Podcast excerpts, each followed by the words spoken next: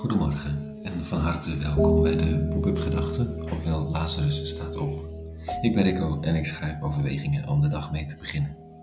Vandaag met de titel De opbrengst van het land. Pop-up Gedachten vrijdag 18 maart 2022. De opbrengst van het land is in gevaar.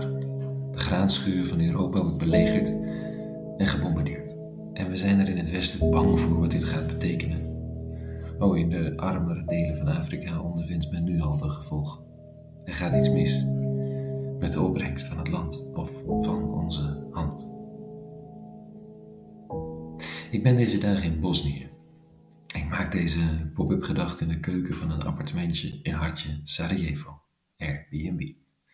De prachtige stad, die drie jaar lang werd belegerd Overal zijn nog sporen van oorlog zichtbaar. Oh, en er zijn er nog veel meer onzichtbaar. En nu zijn hier overal nog mensen die gevlucht zijn uit landen waar oorlogen zijn gevoerd. Recent Syrië, Afghanistan, mensen uit Pakistan. Jonge mensen die op pad worden gestuurd naar Europa of uit eigen beweging gaan, omdat het er veiliger is en vaak omdat ze er dan een leven hopen te kunnen opbouwen en dat wat ze verdienen delen met de mensen thuis. Thuis in Pakistan, Afghanistan, Syrië. Europa heeft zichzelf echter op slot gegooid. Er komt niemand in. Dat is het devies hier aan de grens bij Kroatië. High-tech vluchtelingenjacht, drones, warmtezoekers, honden, geweld. Er kloppen mensen aan de deur, onze deur. Maar de deur is bewaakt. Ik moet eraan denken bij het lezen van de tekst vanochtend. En omdat ik hier zit, kan ik er ook niet anders dan dit in de tekst lezen. Dit staat er. Er was eens een landeigenaar die een wijngaard aanlegde. Hij zette er een heining, omheining omheen, hakte een wijnpers erin uit en bouwde een wachttoren.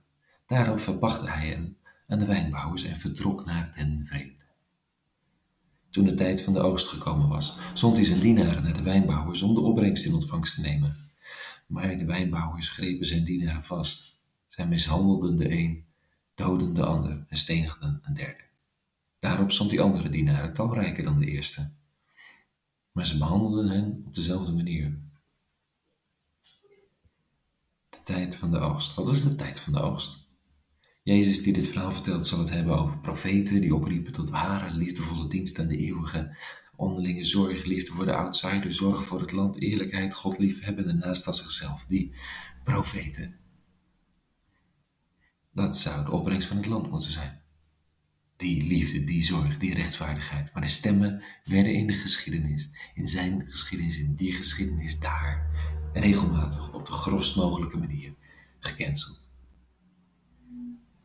Maar wie waren de dienaren die kwamen voor de opbrengst van de oogst in het afgelopen decennium? Die aan de deur klopten, gezonden om de opbrengst van het land in ontvangst te nemen? Waren dat onze Nederlandse belastingambtenaren? Waren dat dominees en priesters met collectezak? Of waren het, goed ik weet het, ik interpreteer het naar me toe, maar de situatie hier dringt zich zo meedogenloos aan mij en aan deze tekst op.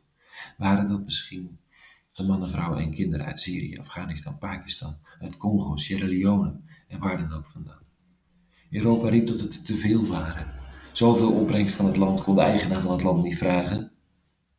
Zoals altijd is er protest tegen belastingen, tegen de hoogte van belastingen. Het is te veel. Dus wordt er ook nog vandaag de een aan de Europese grens stelselmatig mishandeld, een tweede gedood, een vierde met stenen bekogeld. Maar wat als zij kwamen voor de opbrengst van het land? Dat wij niet bezitten maar slechts in beheer hebben gekregen.